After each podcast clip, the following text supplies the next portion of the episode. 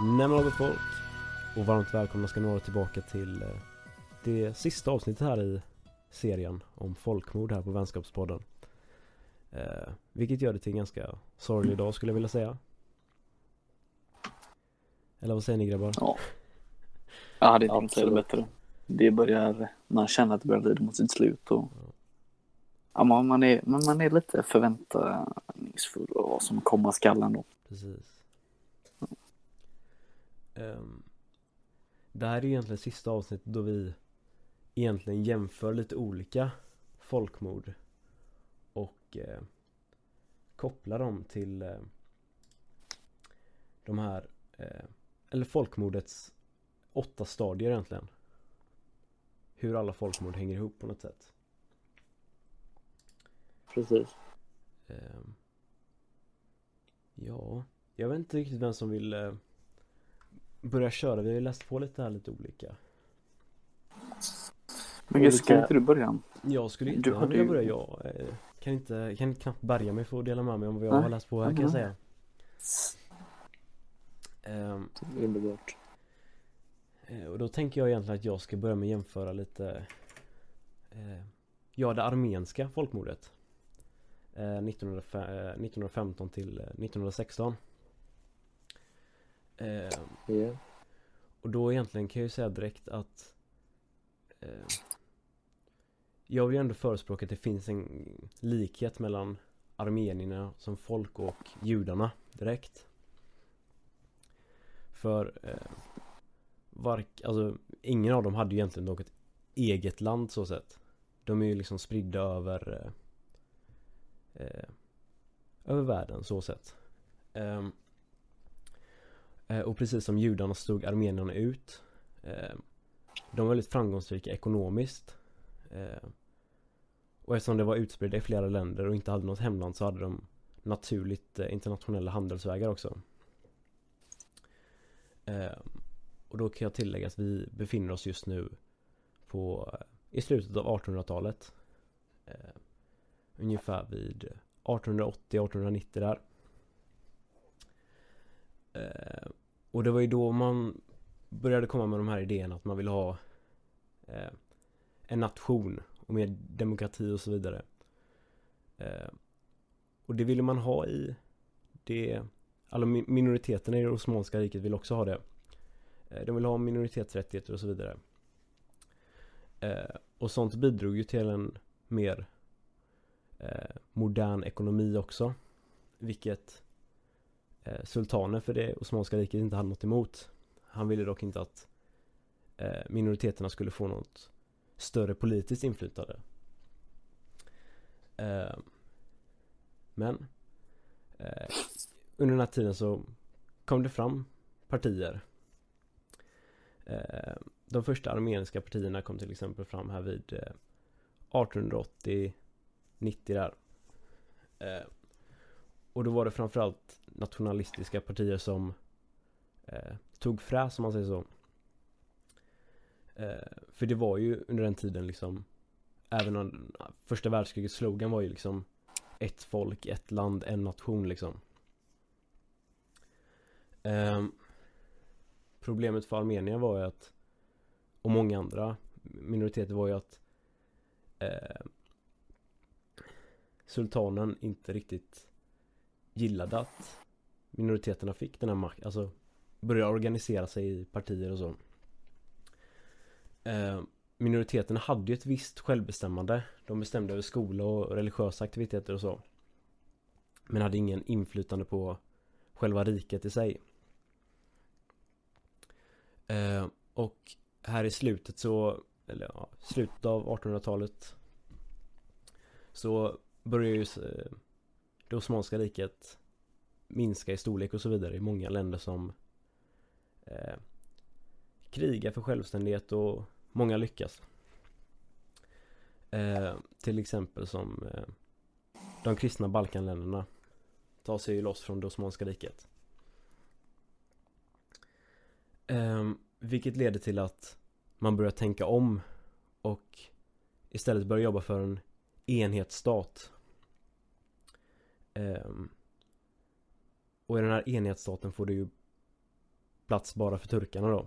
Ehm, vilket leder till att kristna minoriteter inte riktigt får plats. Ehm, och det är då eh, den turkiska nationalismen börjar eh, bildas. Och nationalismer, speciellt sena i historien, eh, alltså tenderar ju att vara ganska farliga. Vi kan kolla på eh, Ja, Tyskland till exempel. Eh, de är väldigt aggressiva och mycket så här. Oj. Ursäkta. Det är mycket vi mot dem och så här snabba samhäll samhällsutvecklingar.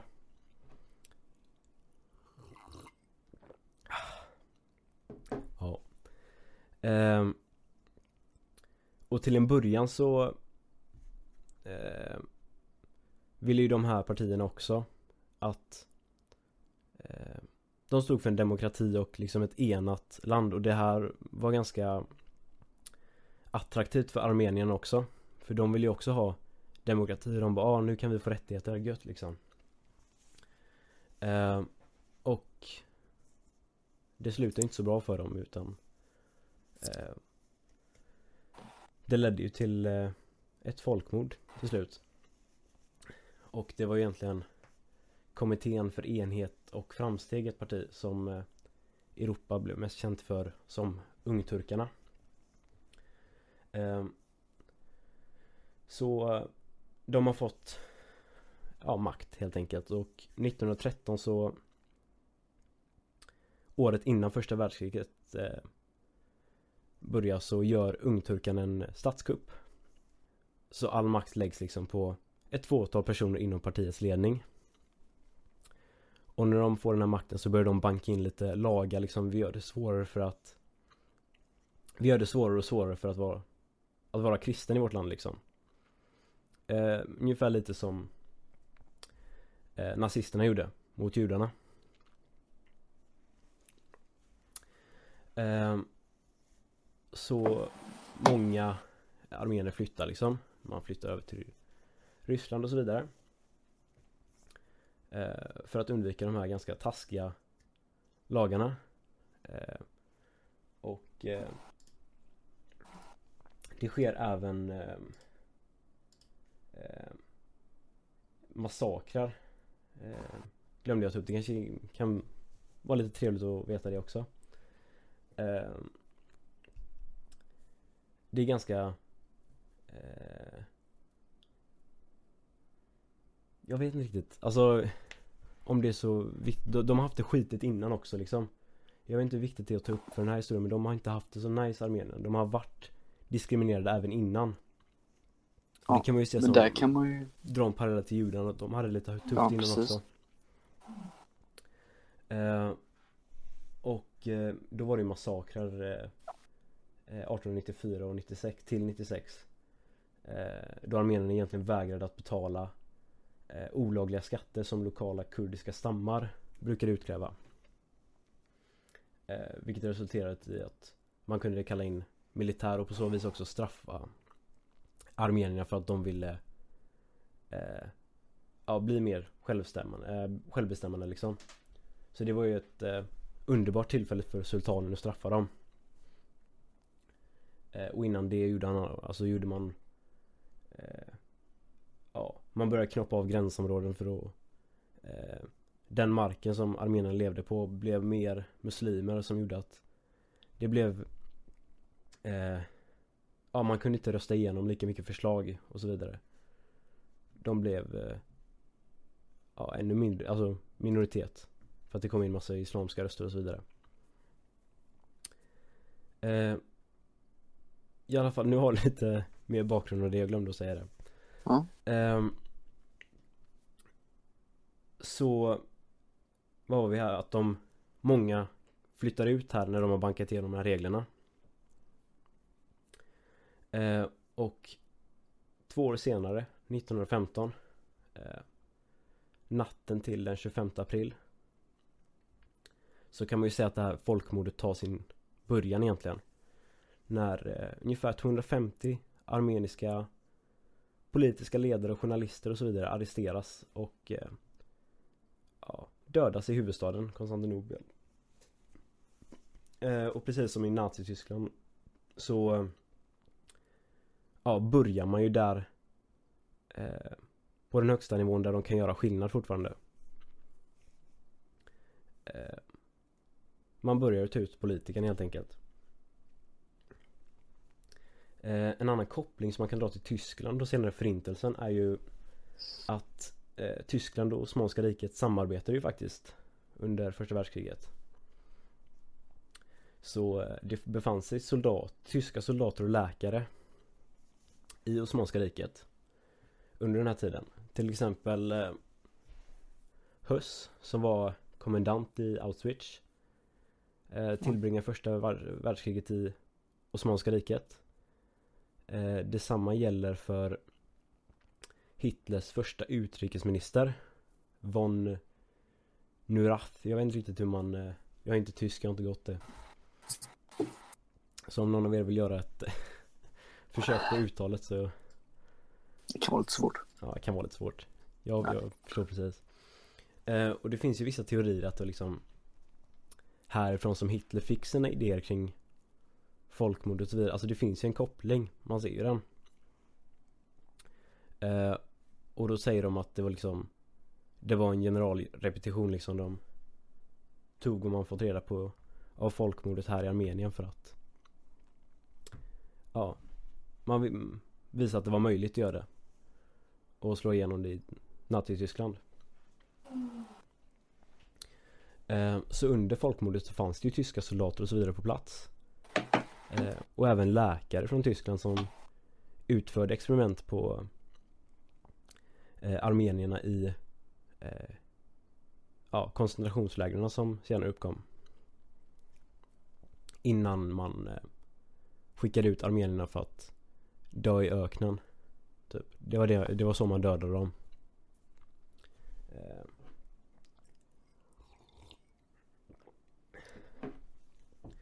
Eh, experimenten då som eh, man utförde eh, sägs det ha fullbordats under andra världskriget av eh, nazisterna sen. Eh, och jag tänker nu när vi är inne på medicin, alltså medicin och så, så ser vi ju även, även likheten där att man eh, använder så här medicinska termer och så vidare för att skapa en ytterligare vi mot dem-känsla. Eh, kan du ta exempel på det? Det kan jag, alltså typ ja. Eh, man eh, refererar till armenierna som ett virus eller en cancertumör liksom.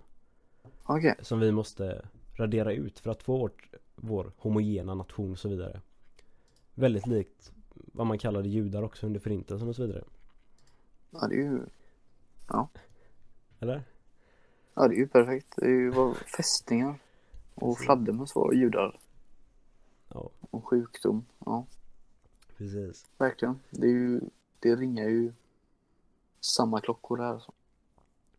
Precis. Och så det jag ska inte säga fina med det här men det eh, själva folkmordet beskrivs ju vara mellan 1915 och 1916 eh, och eftersom det börjar i april så har det ju typ gått ett halvår nästan ändå.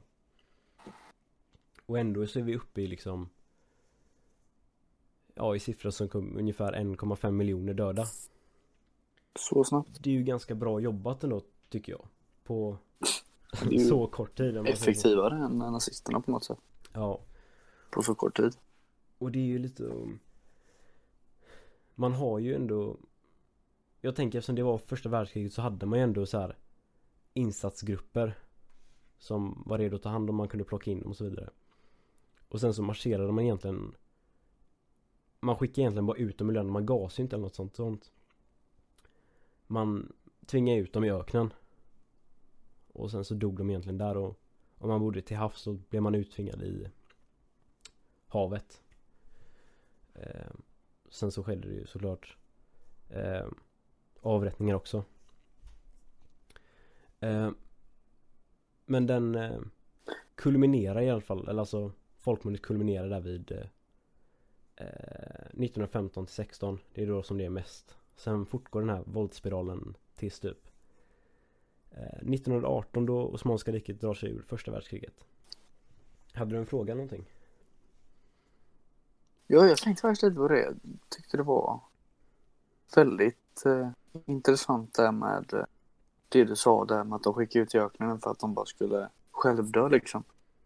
Det tycker ju jag liknar väldigt mycket gettorna liksom i tankeprocessen.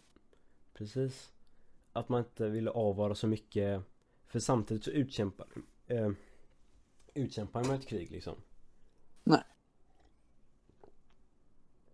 Det är ju, det är ju exakt samma egentligen princip bara att en görs i öken och en utförs i, i en stad liksom. Precis. Så där som du säger kan han nog tagit lite inspiration ifrån. Ja, att man eh, Ja, att du inte behöver lägga så mycket resurser på dödandet helt enkelt. Precis, att vara effektiv. Ehm, och det fortgår som sagt tills ungefär a- 1918 Fast eh, Allt eftersom det går sämre för eh, eh, deras sida. I första världskriget så trappas ju det här av. Man har inte tillräckligt mycket resurser för att Ta hand om alla armenier och så sätt också. Ehm, För det går ju utför för dem i första världskriget. Ehm, Så det fortgår till 1918 ungefär. Ehm, och sen så eh, avslutas det. Och eh, 1919 så eh, döms eh, människorna som är ansvariga för det i Konstantinopel, huvudstaden då. Där eh, det är tre stycken som är, står lite mer för det hela, alltså som eh, vad säger man? Om man ska tänka Huvudansvarig. Ja men typ om man ska tänka någon Hitler i sambandet så kan man Tänka att det var talat eh, som, ja. ja, som flydde till eh, Tyskland Eh, och eh, välkomnades där som en hjälte. Medan han borta i, tillbaka i eh, Osmanska riket eller Som det var då dömdes till döden i sin frånvaro. Eh, Han fick inte heller så lyckligt slut. Eh, Han mördades av en eh, Armenier i Tyskland senare. Och här finns ju också en ganska fin koppling eller Mellan eh, eh, Förintelsen och eh, eh, Armeniska folkmordet. Han blir frikänd sen eh, Armenien som eh, dödade eh, Talat. Med hjälp av eh, Rafael Lemkin eh, Som eh, Var jude. Eller han satt där i Vad säger man? Eh, i rättegången helt enkelt och sa bara Han sa ungefär eh, Det är okej att Utrota eller att göra, begå folkmord Men Det är inte okej att döda en människa. Eh, Det var en ganska underlig rättegång men han blev frikänd med hjälp av eh, Rafael Lemkin. Eh, Som också var jude Och Eh, miste hela sin familj under förintelsen sedan eh, Och han är också den mannen som Bildar folkmordskonventionen För FN eh, Så det är också en ganska fin eh, Röd tråd kan man inte säga riktigt men alltså det, en, en koppling helt enkelt. Eh, sen vill jag tänka, alltså jag tänker att jag sammanfattar det med att säga att det var ett ganska Man får väl säga att det var ett ganska lyckat folkmord ändå, jag vet inte. För, det är alltså den, Det blir ju en turkisk republik, det bildas ju en eh, Turkisk republik och den Man har lyckats med det, man har ju liksom Fått det, det har blivit, alltså Armenien har i princip försvunnit Och sedan hamnar det här folkmordet i Glömska också Ja, jag tänkte du skulle komma till det. Precis, och det är liksom Det är ju det här sista Vad kan man säga eh, sista stadiet i eh, Ja. folkmordet att man eh, förnekar och så vidare och det gör de ju fortfarande. Eh, Ja, turkarna är väldigt defensiva med det. ja, de blir väldigt sura så fort man nämner det. Eh, det beror lite på att de vill eh, säga att de var upp, uppbyggda på eh, det stora Osmanska riket. De vill inte ha den skammen. Ja. Skammen kan man ändå säga eller? Ja. tror. Eh, Det var egentligen det jag eh, hade här. Jag återkommer gärna i slutet och diskutera lite om eh, vad det finns för eh, ja, koppla lite och så vidare. N- Någonting jag, hört- funderade på lite där, du som är lite mer inläst än mig. Ja, precis. Eh, förekom det någon sån här men, propaganda eller skedde det här ganska rakt på sak? För som, Alltså det ju, de har inte De har inte alltid varit äldre, alltså de, de har ju nej, som du sa, de har liksom. ju varit lite, exakt. Ehm, och det har varit ma- massaker och så. De har fått syndabock eh, Varit syndabockar innan också. Ja. Och sen så blev så? det ju mycket propaganda här under de här två åren. Eh, 1913 till när det börjar. Ja. Eh, Alla de här lagen och så vidare. Ehm, och att eh, Ja man vill ju skapa ett homogent samhälle och de passade inte riktigt in så därför blev det ganska mycket propaganda precis som du säger. Ja, Ja, så då tänker jag att vi känner oss ganska klara med det folkmordet i alla fall än så länge. Så jag tänker att eh, Isra, Anton. Ja, jag har ju tagit ett lite mer uh, udda, lite mer uh, udda folkmord kan man säga som uh, skedde inte för allt så länge sedan. Eh, och det, det, nu är vi på en plats nere i Afrika i eh, Rwanda. Eh, där, där man hade intriger då mellan två stycken grupper i samhället kan man väl säga där den ena bestod av tuber och den andra bestod av tut, tutsier som man kallar för. Uh, och detta, allt detta grundar sig i egentligen uh, en form av uh, rasism och, och hat mot, mot olikheter kan man väl säga och, och någon form av revanschanda hade man på under detta folkmordet. Och det grundar sig då under kolonitiden där, där Rwanda var länge ägt eller länge under eh, regimen av Belgien. Eh, och Belgien ansåg att eh, de här tutsierna då var eh, av det bättre eh, av de bättre människorna.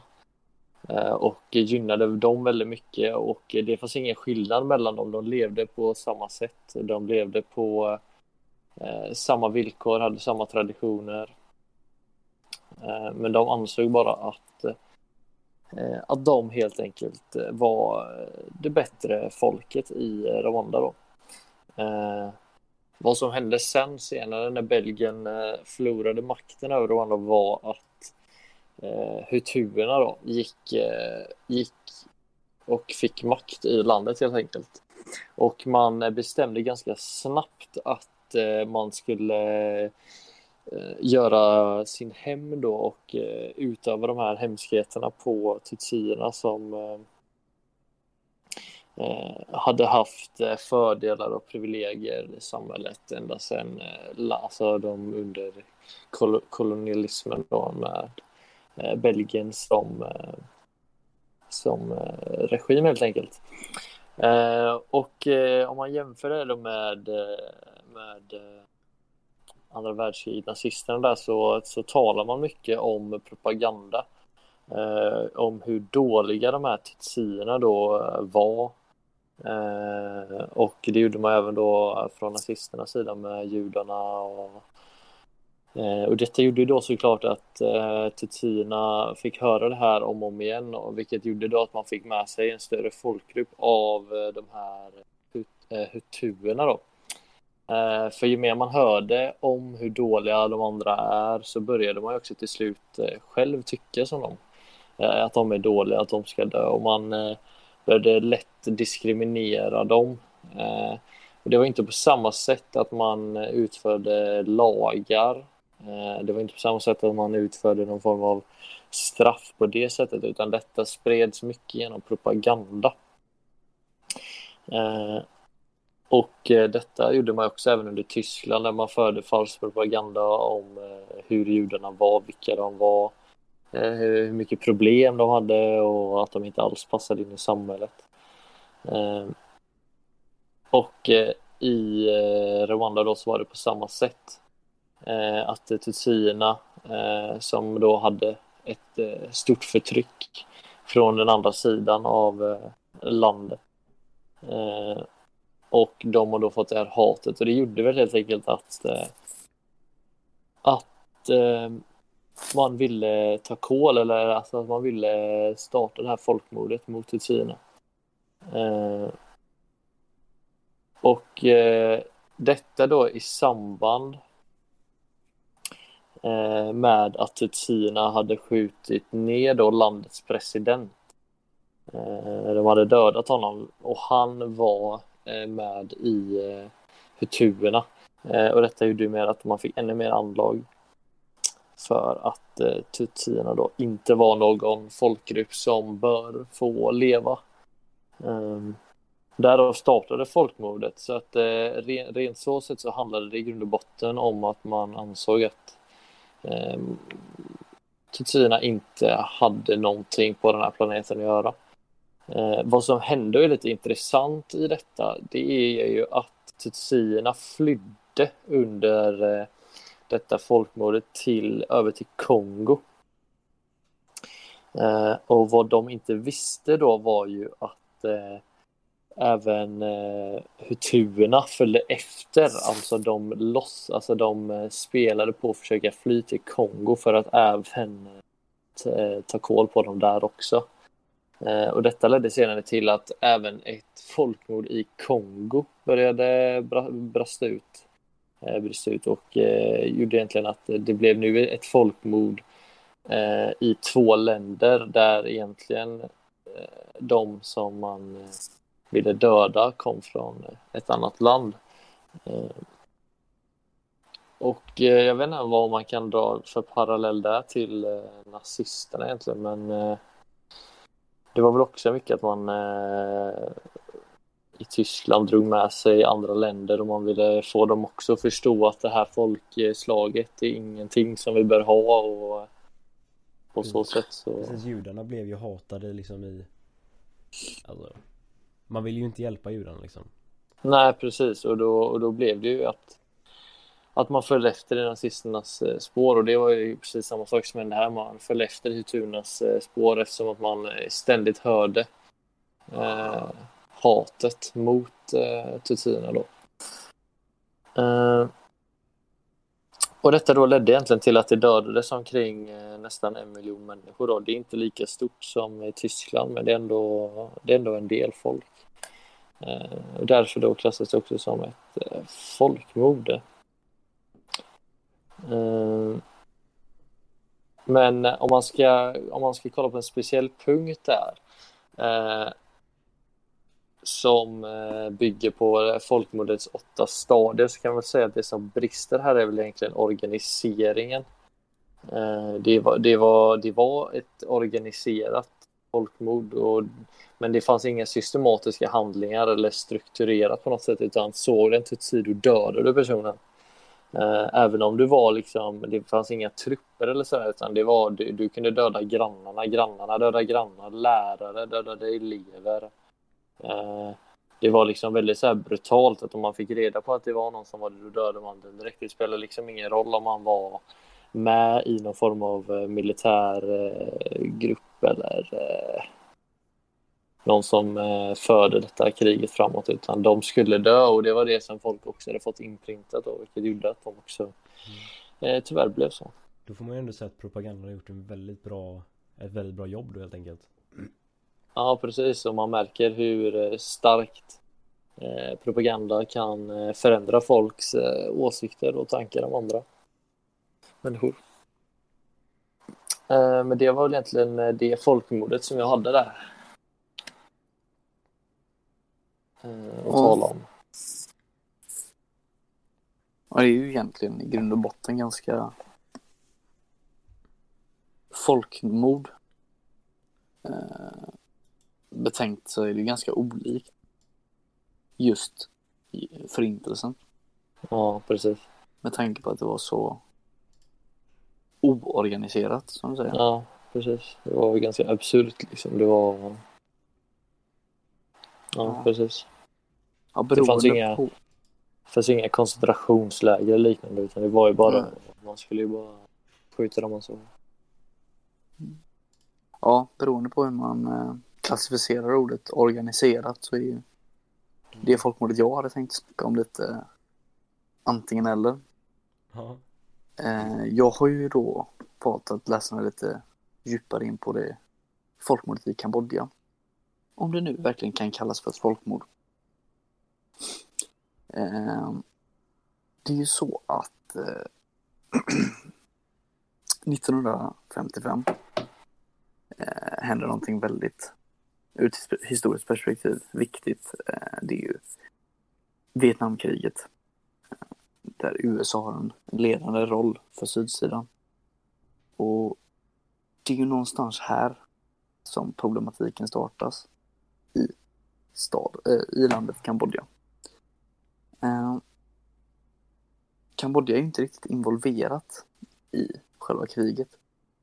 Men amerikanska bombplan väljer ändå att ja, men släppa bomber helt enkelt eh, över Kambodjas djunglar. Ja, faktum var att de eh, släppte en redig massa bomber, USA då. Eh, faktum är att de släppte mer bomber eh, på, eller i, eh, Kambodjas djunglar eh, än de gjorde under hela andra världskriget. Eh, det här är ju såklart, under den här tiden har ju eh, en kommunistisk gerillagrupp, även kallat de röda khmererna, eh, satt sina spår, så att säga.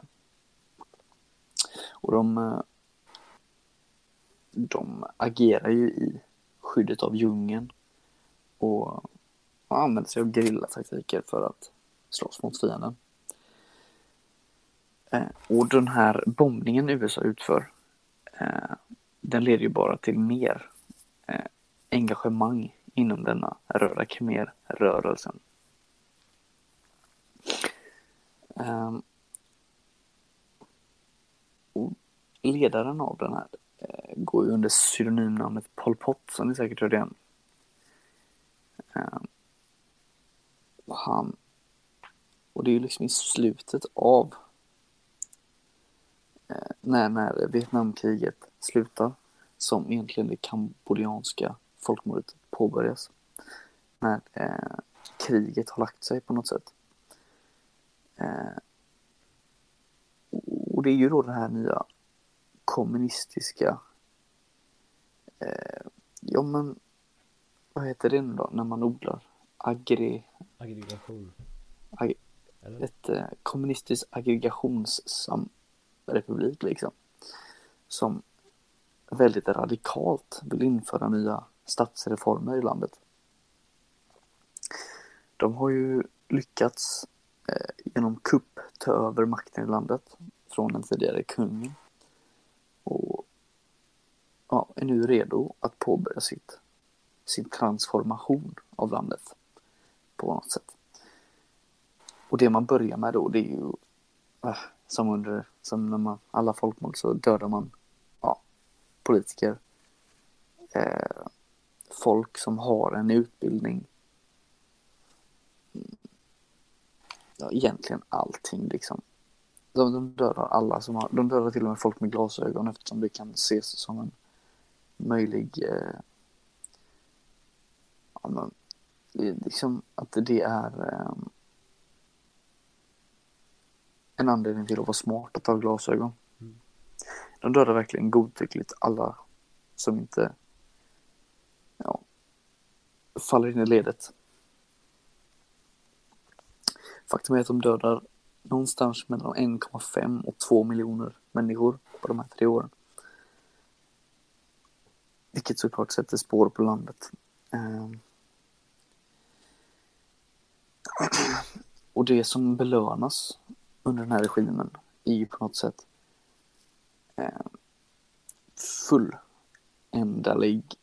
lojalitet till partiet. Eh, vilket leder till att bland annat en tjej styr över en 12-årig flicka styr över en tredjedel av landet.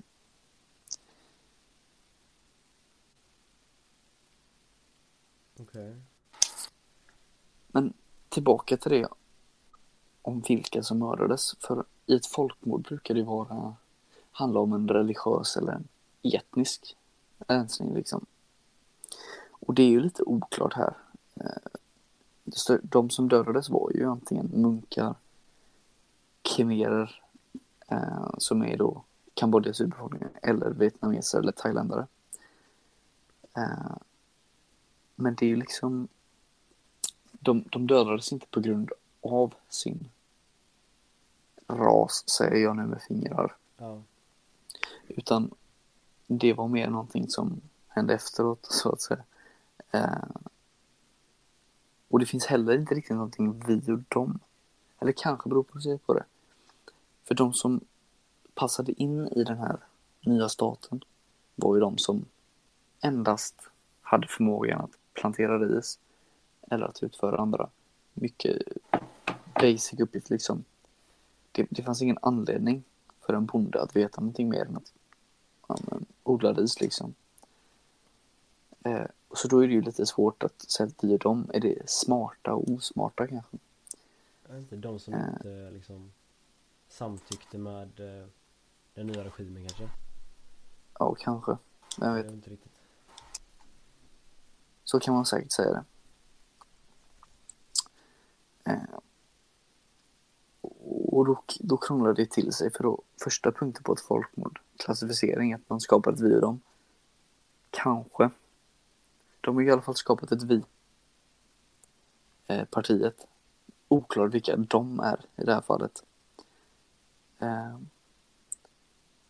och sen andra steget, eh, eller steget och steget, eh, andra tecknet på ett folkmord är ju den här symboliseringen till exempel under nazismen med judestjärnan eller J i passet. Eh, jag har för mig att Rwanda hade någon sån här eh, att de här tutsi-folken blev bokförda på ett speciellt sätt också. Eller var det Anton? Ja, precis. Ja.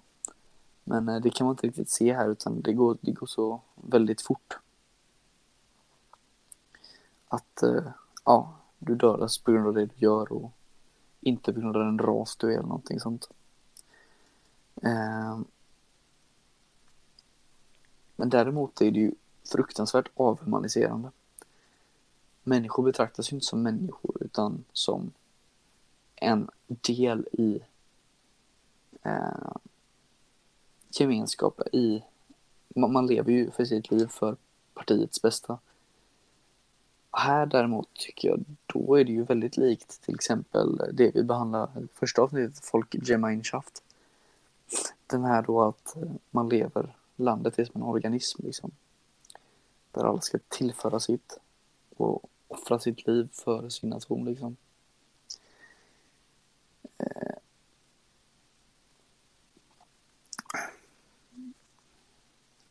Och sen organiseringen som jag, som jag började den här presentationen med. Det är lite oklart vad organisering är. Eh, är organisering att dödandet är strukturerat och systematiskt? Ja, det var det på sätt och vis. Eh, men har de någon organisation över vilka som dödas? Det är ju lite mer tveksamt va? Mm. Men man kan inte säga att, man kan inte säga att det sker av en olyckshändelse heller eller? Det är ju inte... Mm, eller... Nej. Men sen är det, fast ja, det är det som är så krångligt här i Kambodja för på något sätt ska ju en organiserat folkmord ske av en högt uppsatt politisk figur till exempel som Hitler som ger direktiv mm. om vem som ska döda. Pol Pot i det här fallet beger ju ja, han, massor blir han ju döda men det handlar ju mer om eh, ett beteende som får trupperna att välja att utföra dessa mord liksom. Eh, så ja, det beror på hur man hur man värderar ordet organisera. Sen, ja. Ja, alltså jag tänker om det var liksom så här. Nej, det var, alltså det var ju inget planerande som ledde upp till detta då under en längre tid innan. Det var eller? Nej, som jag förstår det så. Liksom. Ja, men som ja, men precis. Som jag förstår det så är det liksom. Vi behöver skapa en ny en kommunistisk stat. De som inte passar in ska inte leva. Eh, och då kan man ju liksom säga det med alla folkmord att precis som du sa där med Armenien att eh, turkarna ville skapa sin egna nationalistiska stat. Och då fanns inte plats för armener. Fast i det här fallet så handlar det om politisk, äh, politisk lydnad och inte sin etnicitet. Ja. Men man vill ju också, alltså, så man ville också på något sätt som precis i Armenien att man vill förhindra eh, de andra grupperna får göra få någon politisk Motstånd tänker du? Ja precis motstånd ja. Mm. Ja ja det utförs ju militärkupper hela, under alla de här tre åren. Eh, för att begränsa motståndskraften. Och det avslutas ju, Röda khmerernas tid i makten avslutas ju med fruktansvärt korkad invasion av Vietnam. Eh, Kambodja är under den här tiden mycket, alltså, om man dödar två miljoner av sitt folk så är det klart att man inte mår jättebra. Eh, och invaderar då Vietnam. Eh, bara på några dagar så har ju Vietnam erövrat hela, mer eller mindre hela Kambodja. Eh, men ja, Röda khmererna lever ju på eh, en stund efter det här då i djungeln och Eh, kan trycka på regeringen lite som en terrororganisation. Eh, ja. Men däremot är ju polarisering någonting som verkligen finns. För eh, kommunisterna i det här fallet är ju helt bombsäkra på att det de gör görs för det, för, för det goda liksom. De är helt övertygade om att de gör rätt. Och det kan man ju se även i ungturkarna och eh, i Rwanda. Eh, att det är någon slags, propagandan har skapat en bild av att det som görs görs med goda gärningar liksom. Ja precis, även i Nazityskland liksom. Ja, ja, helt klart. De är ju helt övertygade att de gör rätt och liksom, de räddar ju världen genom detta. Ja, ja. Skydda världen från judarnas otyg. Eh, eller den lärdes eh, otyg kan man säga där. Mm. På samma sätt i ehm. Armenien där att de känner ju att de ja. måste göra detta för att liksom rena nationen och från det här viruset och så vidare. De är ju liksom ja. allt, de har ju rätt. Ja. Sen så tänkte jag lite där på, precis som Armenien som idag är mest känt för Turkiets förnekelse till själva händelseförloppet. Så, så, så, kan jag inte hitta något riktigt eh, förnekelse, någon, någon, någon stor förnekelse till det här. Eh, men det kan ju bero på lite det här att det inte var ett landet som utförde folkmord mot en minoritet. Utan att liksom, det, det är en del av vår shade historia bara liksom. Ja, precis. För det När vi dödar varandra. Ja, för de riktade ju inte mot en viss folkgrupp riktigt. De var ju mer alltså en grupp med en annan åsikt helt enkelt eller mer? Ja, eller ingen åsikt alls. Det ja. verkar ju vara helt godtyckligt nästan. Så, så det, ja, som ni förstår här så är det ju liksom inte många eh, poäng den får på en förne eh, på ett folkmordsskala. Nej. Eh, men jag skulle ändå vilja gå så långt som att nästan vilja kalla det för ett folkmord ändå. Ja. För det är så otroligt många människor som mister livet på grund av ett organiserat, en organiserad utrotning liksom. De, de, de eh, installerar ju liksom eh, avrättningsläger lite här och där och eh, sådana, inte gaskammare men gettoliknande byggnader där folk dödas liksom. Ja precis, jag tänkte fråga dig hur, hur man avrättade dem till slut. Ja, det är ju det. På alla möjliga vis. Verkligen. De använde alla, de, de brukade, ett sätt som användes var att de fångade in en person och torterade den och tvingades säga några namn till liksom. Mm. Såklart, det är ju liksom den personen som torterades till att börja med hade ju inte gjort någonting fel. Eh, men så var han tvungen att säga två personer som hade gjort fel. Eh, och det är klart att han måste göra det, då gör han det. Och då följer ju den cykeln liksom.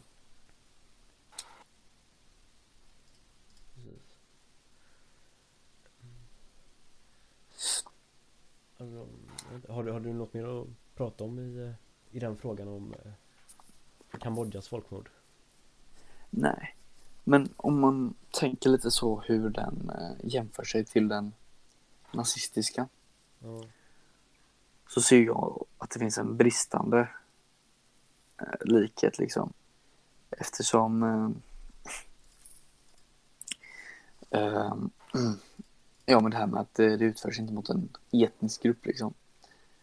Eh, och trots att det är, är så fruktansvärt många människor som dör så tar det liksom på något sätt lite mindre eftersom det inte är mot en minoritet. mm det, alltså det kan ju ses som inte lika hem, alltså så här. Exakt, och det är, där, och det är därför lite jag vill kalla det för ett folkmord, för att man inte ska glömma av hur hemskt det var. För Jag, jag tror inte att det här, jag tror det här är värre nej så kan jag inte säga. Det här är minst lika illa som förintelsen. Ja. Eh, och det pratas inte alls om lika mycket, trots att det var nyligare. Och det kanske beror på att det är hänt i ett B-land eller vad heter det, utvecklingsland heter det. Eh, till skillnad från Tyskland då som utfördes i ett ja, men, i-land. Precis. Mm. Ja, Men jag tänker alltså, jag vill gärna alltså att man Alltså det går igenom alltså folkmordets åtta stadier lite mer eh, ingående typ Koppla dem och jämför alla samtidigt typ vad jag tänker Det låter jättebra. Kör på det. Som en liten avslutning här på vår eh, fina serie precis. eh, Vi körde lite, vi började lite med ditt eh, där i eh, Kambodja Jag tänker att vi kör med eh, våra, eller, alltså du känner inte heller jättemycket om Eller? Och gå igenom åtta Organiserat och sådär. Men grejen är, min, min har ju inte alls här alla de. Nej precis, men det är det som är Måste man ha, måste de ha alla stadier för att kunna klassas som ett folkmord? Det vet jag. Det vet, jag, jag tror faktiskt inte det. Jag tror Det känns som att det. Det känns som det är lite förnekelsen skulle kunna glömmas eller Grejen är, visst, alla de här alltså stadierna passar ju in på folkmord. Ja, Samtidigt har det skett alltså, förfär, alltså hemska händelser i historien som inte har alla de här men ändå liksom måste på något sätt klassas som folkmord för att det är så pass ett så, så pass grovt brott liksom. Mm. Ehm. Jag tror att Armeniens folkmord det stämmer ju in på nästan alla de här. Så ja. Men det är ju för att den, eh, den här mallen har ju, som du sa, skapats utifrån den armeniska folkmordet. Ja, eller speciellt det, vad heter det? Ja, förintelsen tror jag det är. Det, eller, jo precis, för det är ju från, eh, Från han eh, som stämde där i rätten. precis, Rafael Lemkin. Han var ju med Yes. och eh, tog del kan man inte säga av båda, men han levde ju på tiden båda. Eh. Och det var väl han som skapade själva definitionen. Sen vet jag inte när de här, alltså själva stadierna har kommit in men det är liksom Det har De har skapat sig en mer Bredare studie av det hela, om man säger så Ja, För Armenien är det ganska tydligt att Precis som i eh, Nati så väljs ju en målgrupp ut och de, de identifieras och vi mot dem. Det är liksom vilken nationalism som helst egentligen. Eh, där de väljs ut både för religionen, för man vill ju inte ha kristna där i. eh, Det är ju väldigt muslimskt. Eh, samtidigt som etniciteten. Eller vad? Jag tänker vi kör en liten diskussion. Ja. ja.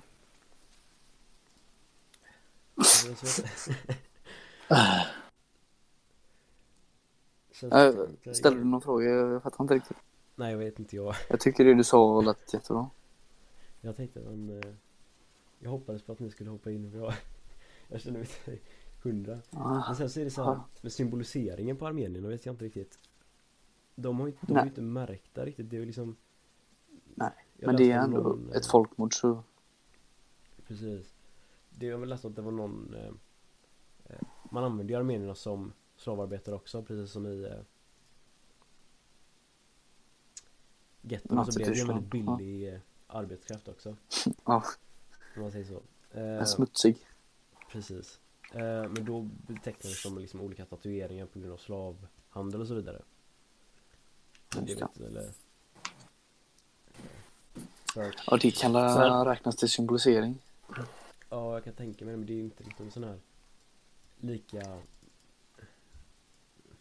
vi, alltså vitt brett som judestjärnan till exempel. Eh, Nej. Men sen finns det ju någon anledning att eh, förintelsen är den mest välkända precis. för, eh, folkmordet liksom. Den var ju väldigt omfattande. Ja. Det jag tycka är lite ehm, eh, ja, Men det här kan man även använda som ett sätt att eh, kanske se när det är på väg att bli ett folkmord. Och att man kanske kan ta fingret ur röven och förhindra det. precis. Ja, precis. Det, det kan vi snacka om, det är väldigt viktigt. Ja. För där ser man ju Jag tänker ändå- den här klassificeringen, ja, den är inte i sig. Eh, det är inte så att nästa steg efter en klassificering mot dem kommer innebära en, ett folkmord. Nej, Det är ju bara att kolla politiskt i, ja, hela, genom hela världen liksom. Då- Då skapar man ett vi mot dem för att vinna makt. precis. Det kan jag tänka mig. Alltså vi, om vi ska bryta från banan lite och så. eh, Tycker jag verkligen. Vet jag inte riktigt men alltså nu, just nu i världen så är det ju extremt mycket eh, omflyttning av människor om man säger så. Ja. Eh, så man kan ju fråga sig om det skulle, liksom, skulle kunna ske idag detta då. Som du var inne på där innan. Alltså att, om vi tänker nu i Sverige liksom. Så får vi ju Ja. ganska stor eh, Ja, du tänker så en, en flyktingström liksom. Ja precis. Ja. Och det, så- det har ju ändå skapat någonstans, alltså man ska ju inte tycka, alltså så här. Nej, Vi nej. jobbar Men det är klart det de krafterna finns. Men det blir ju ändå ett vi mot dem kanske nu Det blir ändå ett vi Och det ser man Det- ändå från eh, Alltså Invandrares sida också liksom Ja, De jävla svennebanan. Ja men men de känner ju mer tillhörighet till varandra än de känner till Ja. eh, Oss som har växt upp på helt andra Med helt annan kultur liksom eh, Men här ser jag, det är svårt i eh, det traditionella svenska systemet hur man skulle gå ifrån den liberala levnadsvärlden till att till exempel ge alla invandrare en judostjärna. Precis, och det är det jag också tänker att det de, alltså Den första delen i ett folkmord är ju klassificering. Att man väljer ut en målgrupp och identifierar dem som vi mot dem liksom. Ehm, det vi ser egentligen att det, det blir en klassificering, det blir en uppdelning. Det, det kan vi ju inte hjälpa liksom egentligen. Vi kämpar ju hårt för det. Men jag är inte säker på att det blir en vi mot dem. Jag tänker att det kan Det bli kanske är mer en vi och dem. med dem Jaha, okej. Och att vi sam... Eller hur tänkte du? Vi och dem tänkte jag. Ja, Man behöver ju inte ställa dem mot varandra bara för, bara för att det finns en skillnad liksom. nej precis. Jag tänker att det blir liksom att man väver in det lite mer. Ja. Eh, Mm. Sen vet jag inte det här, den här avhumaniseringen. Det kan man ju kanske till exempel idag. Nu spårar jag långt ut men eh, Ja men jag tror det är bra. Jag tror det är... ja, jag, jag hör det, jag hör det. Eh, då kanske man säger så jävla babbel, någonting sånt där liknande. Eh, det säger man ju inte riktigt på ett eh, värdigt sätt om man säger så. Det är ju väldigt avhumaniserat. Det är ju liksom ett, ett eh, sk- skräll, skräll, skallord, vad heter det? Skällsord. Skällsord. Eh, som eh, lite Trycker likt ner det. n-ordet liksom. Ja men exakt, lite likt n-ordet. Samtidigt är ju inte det liksom, eller det är ju inte uttryck som förnekar den andra gruppens mänskliga värde så sett. Men det bidrar till en, alltså, Mm, att man på något sätt trycker ner den andra gruppen, jag gör det med fingrarna. ja. Ja, Eh, ja, ta ingenting av det här i kontext Mikael. nej, Lova. nu snackar vi bara för att det är gött liksom. Jajamän. Eh, Eh, så men idag kan man ju i och för sig se den här avhumaniseringen i, vad heter det nu då? I Indien eller Bangladesh heter det va? Nej, nej, nej, Burma menar jag. Eh, där muslimerna Eh, betrakt, inte betraktas som människor senare, utan det är, det är boskap som eh, bränns på bål uppe i norra Burma. Eh, men det, det har ju på något sätt blivit lite som folkmordet i Rwanda där, att de dödar lite mer innan det blir organiserat. Vilket gör att det kanske inte är ett folkmord riktigt. Jag vet inte. Mm. Det är väldigt intressant att spåna iväg i framtiden också. Ja, för jag tänker man har, ju, man har ju sett alla de här nu. Nu har vi ju sett allting liksom ja, flera olika folkmord. Och det finns ju massa studier på det och liksom hur man undviker det och bla bla bla. Och så vidare. Mm. Och alla de här tidiga eh, tecknena och så vidare. Precis. Eh, Skulle man kunna gå så långt som man säger att om de här tecknena redan finns är det för sent? För då finns tanken i eh, the public's eyes liksom. det kan ju vara så för jag tänker alltså Men då märker man ju ändå, då borde ju omvärlden reagera. Ja, Samtidigt så kan jag tänka, jag här med eh, armenierna. Varför de här massakrerna, enda som jag berättade lite inom tidigare. Eh, när de eh, ja, avrättar massa armenier innan själva Innan de kommer till makten och så bara för att de vägrar betala sk- alltså, de här skatterna. Hänger du med? Ja. Eh, där så valde ju eh, de eh, eh, Ja alltså stormakterna i Europa och så ingripa liksom det här är, Ni kan inte göra så här Så att de fick eh, liksom Lägga benen på ryggen och skita i det eh, Men sen så var det ju under första, alltså De började påbörja sitt folkmord under första världskriget Och då var ju de andra liksom upptagna Så de hade inte så mycket att säga till om Men det är det steget att välja att göra någonting som är svårt att ta. För det är ju samma sak under förintelsen också. Det var ju inte så många som eh, Vi i Sverige gjorde ju inte vi nej, vi var ju väldigt passiva om man bortser från vissa små insatser. Ja precis Och det är ju det steget som är viktigt att ta liksom. Om man Ja, Om vi tänker, om du säger att liksom Om man ser de här stegen så är det för sent Eller Tecknena ja. nej men på mer så. vi är villiga Mm. att ta de här stegen för att förhindra det. Och det är det jag tänker att nu när vi har alltså folkmordskonventionen och så i FN och vi är ett ganska enat en ganska hyfsat enad värld. Eller? Ja, Ja, men absolut. Om man jämför med... hur det var. Ja. precis. Så tror jag, då är man, alltså det finns ju styrka i grupp och så vidare. Det är nog lättare att ta steget om man har regler och man sitter tillsammans liksom. Eller vad känner ni? Absolut. Ja, men det är fler också blir det enklare. Ja. Mm. Sen är det ju också mm, hur stor makt landet som gör det har allt det också. Ja, men om man vänder på steken liksom. Ja, så Hur snabbt? Ja, det är bara så. Eh, eh, det tar ju väldigt lång tid för en så radikal idé som att ett folk vore så mycket mindre värt än ditt egna. Att den borde dödas. Det är en väldigt radikal tanke. Mm. Det har ju tagit flera år för dig att komma till det stadiet i ditt liv. Och kan det inte då vara väldigt svårt? Att- att det, kan ju, det, kan ju, det behöver ju inte vara svårt att inte utföra de här dåden. Men tanken finns ju alltid kvar där. Tänker jag helt spontant nu. Det skulle i längden kanske kunde innebära att en, en andra våg händer liksom.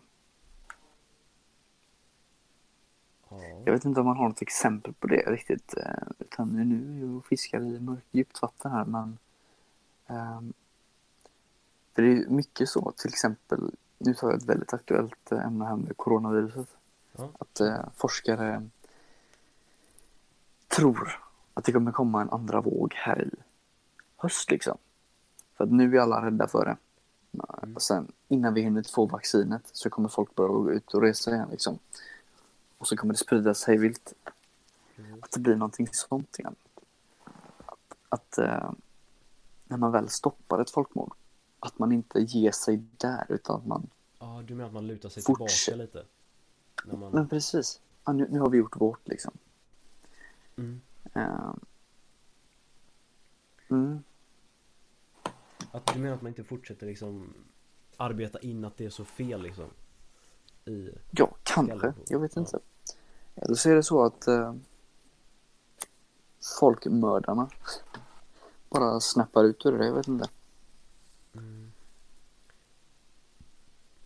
Jag tror, alltså För om man är tysk nu liksom Mm.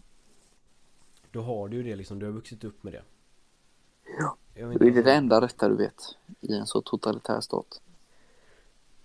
För jag tänker alltså du På liksom internet och så ser du hela tiden Man blir alltså Det är ett skämt men samtidigt så kanske man eh, Vet, man känner en viss skuld kanske Om ens Till vad då menar du? Alltså till förintelsen Eh, Jag tänker om du kollar på alltså så här Memes eller vad fan som helst liksom ja, så ser du, du blir hela tiden påmind om eh, jo, Hur jo, fel det är så. klart. Ja. Och, och, och det tror jag är väldigt viktigt med vår eh, digitaliserade generation liksom. Att eh, vi inte glömmer saker eftersom internet sparar allt på något sätt och påminner oss om det. Mm. Eh, det kanske är så att om man hade gjort som nynazisterna vill, att man förnekar förintelsen, då skulle ju de här krafterna, nazistiska krafterna, kanske få lite mer relevans i dagens eh, politiska miljö. Det jag tänker, alltså, det är ju, ja, kör på Ja, för, för det är ju inte någon som riktigt... Om man inte är grovt nazist liksom, så är det inte någon som tycker att ett folkmord är särskilt bra liksom. Mm, Vilket kan krångla till det för just det partiet liksom. precis. Det är det jag tänker, men det du säger att liksom internet är bra för vi glömmer inte Ja, Det är liksom, vi sprider ju det här, alltså I och med att det har varit så stort, och så det sprids ju, det försvinner ju aldrig eh, Just för att vi har erkänt det som ett folkmord också liksom Ja. Det tänker jag med Det armeniska, de har ju inte fortfarande inte erkänt Turkiet har inte erkänt att det är ett folkmord än Kan det finnas något med att de inte har, alltså Erkände att det är en ganska viktig, eh, alltså så här avslut i vilken diskussion som helst någon erkänner att de har gjort fel liksom. Annars Ja. ligger det ju kvar där. Sen tror inte jag att det skulle liksom kunna ske ett folkmord till i Armenien bara för att Nej. Nej, det är ju så. man kan ju alltid tänka. Ja. Spåna på det. Precis. Men jag, ja, precis. jag tror det är väldigt viktigt med det här att man pratar om det och som du säger med internet Mm. liksom. Att man inte förnekar det helt enkelt. Nej. Eller glömmer av det. Ja, och historien sprids så vi kan lära oss av vad som har Ja. skett och vad som har varit. Som, som idag liksom. Eller som i veckan. All information jag har läst på har jag ju läst rakt av internet. Ja. Och som vi gör nu, att vi sprider Exakt. kunskap och fakta om detta genom Jag skulle säga att vi, vi för, för eh, eh, vad fan heter det, förebygger folkmord just nu. Ja. Ja, vi är duktiga.